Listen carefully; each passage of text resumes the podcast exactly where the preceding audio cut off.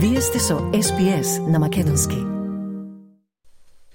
Enjoy SBS's coverage of the FIFA World Cup Qatar 2022 on television, radio, SBS On Demand, and online.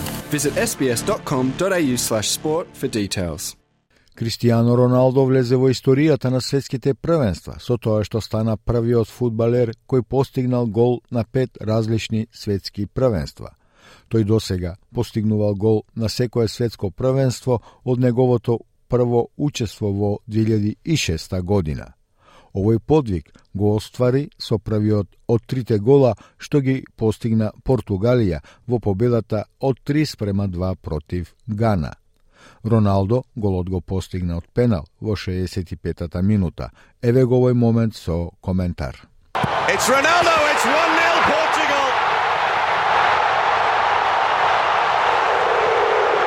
And it's a moment of World Cup history.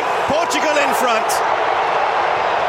And Cristiano Ronaldo becomes the first player ever to score at five different World Cups. И након овој надпревар, сите голови паднаа во второто полувреме. Поводството на Португалија од 1 спрема 0, Андре Ају во 73-та минута успеа да го израмни резултатот на 1 спрема 1 но овој резултат не остана за долго. Во 78-та минута Португалија преко Жоао Феликс зголеми на 2 спрема 1, а две минути подоцна преку Рафаел Леао дојде до водство и од 3 спрема 1. До крајот на надпреворот, Гана успеа само да го ублажи поразот на 3 спрема 2, а стрелец на голот во 89-та минута беше Осман Букари. Понад преварот, напаѓачот на Гана, Андре Ају, изјави дека е импресиониран од издржливоста на неговите соиграчи и дека очекува во следниот надпревар да стигнат до победа. So I always believe that we can always come out of difficult situations. Close, close to it today, we nearly came out from a tough one.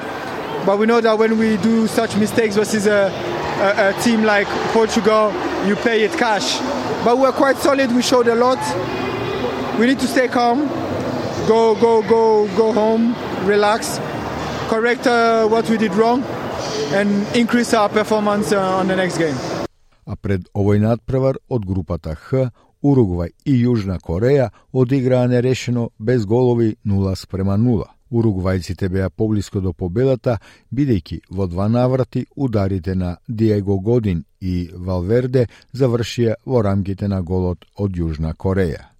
Селекторот на Јужна Кореја, Паоло Бенто, вели дека неговата репрезентација ќе има корист од овој тежок надпревар против другите противници. A difficult game as we predicted um, against a very good team, a strong team, a team that I think that um, that showed uh, a good respect for for our team as well.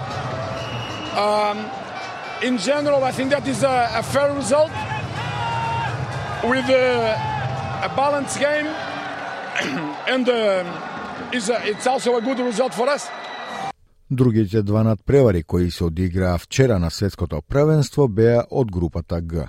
Швајцарија со 1 спрема 0 го совлада Камерун, а Бразил Србија со 2 спрема 0.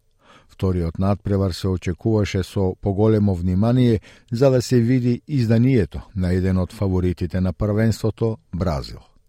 Првото полувреме и покрај иницијативата на Бразил заврши без голови, но во вториот дел петкратните светски прваци притиснаа посилно и ја оправдаа фаворитската улога со головите на Ричарлисон во 62-та и 73-та минута стигна до победата од 2 спрема 0. Особено атрактивен беше вториот гол на Ричарлисон кој го постигна со познатите ножички. Еве го и овој гол со коментар.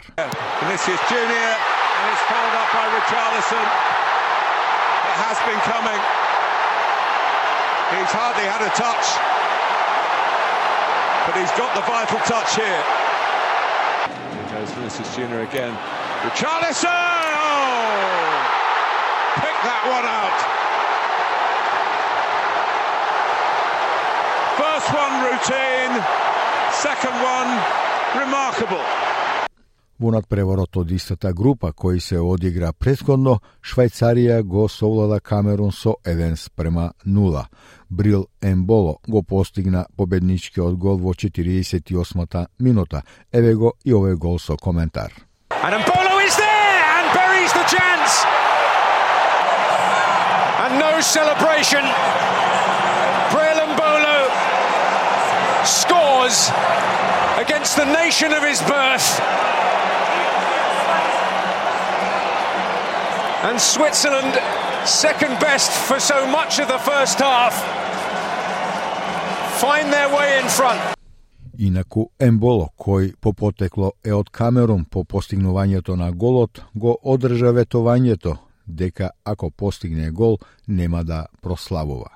Наместо тоа, се насмевна и ги крена рацете како гест на извинување кон навивачите на Камерун, а потоа и прослави со навивачите на Швајцарија пред неговите суиграчи да побрзат да го прослават голот заедно. Понад преварот, селекторот на Камерун, Ригоберт Сонг, рече дека е среќен и за неговиот противник Емболо, нарекувајќи го, цитирам, помал брат, затворен цитат, и додаде дека Неговата репрезентација ќе продолжи да верува во крајниот успех и покрај потешкотиите со кои сега ќе се соочат по поразот од Швајцарија. It's a disappointing feeling. We should have done better. But you know, football at this elite level is won and lost in the finer details. Today we had one lapse in concentration and had a goal scored on us. The next matches are going to determine our destiny in this World Cup. We'll continue to keep our heads up and believe anything is possible а вечерва и утре изутрина по австралиско време на светското првенство ќе се играат надпреварите од второто коло од групите А и Б. Во групата А се среќаваат победниците од првото коло Холандија и Еквадор.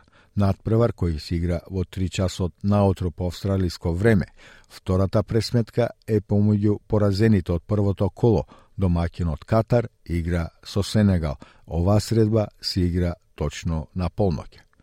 Во групата Б играат Вилс против Иран со почеток од 9 часот вечерва, а утре изутрина од 6 часот се среќаваат Англија и Соединетите Американски држави. SBS Radio broadcasts all 64 matches of the 2022 FIFA World Cup live and free for all Australians. Head to sbs.com.au/radio. Сакате ли да чуете повеќе прилози како овој? Слушате подкаст преку Apple Podcasts, Google Podcasts, Spotify или од каде и да ги добивате вашите подкасти.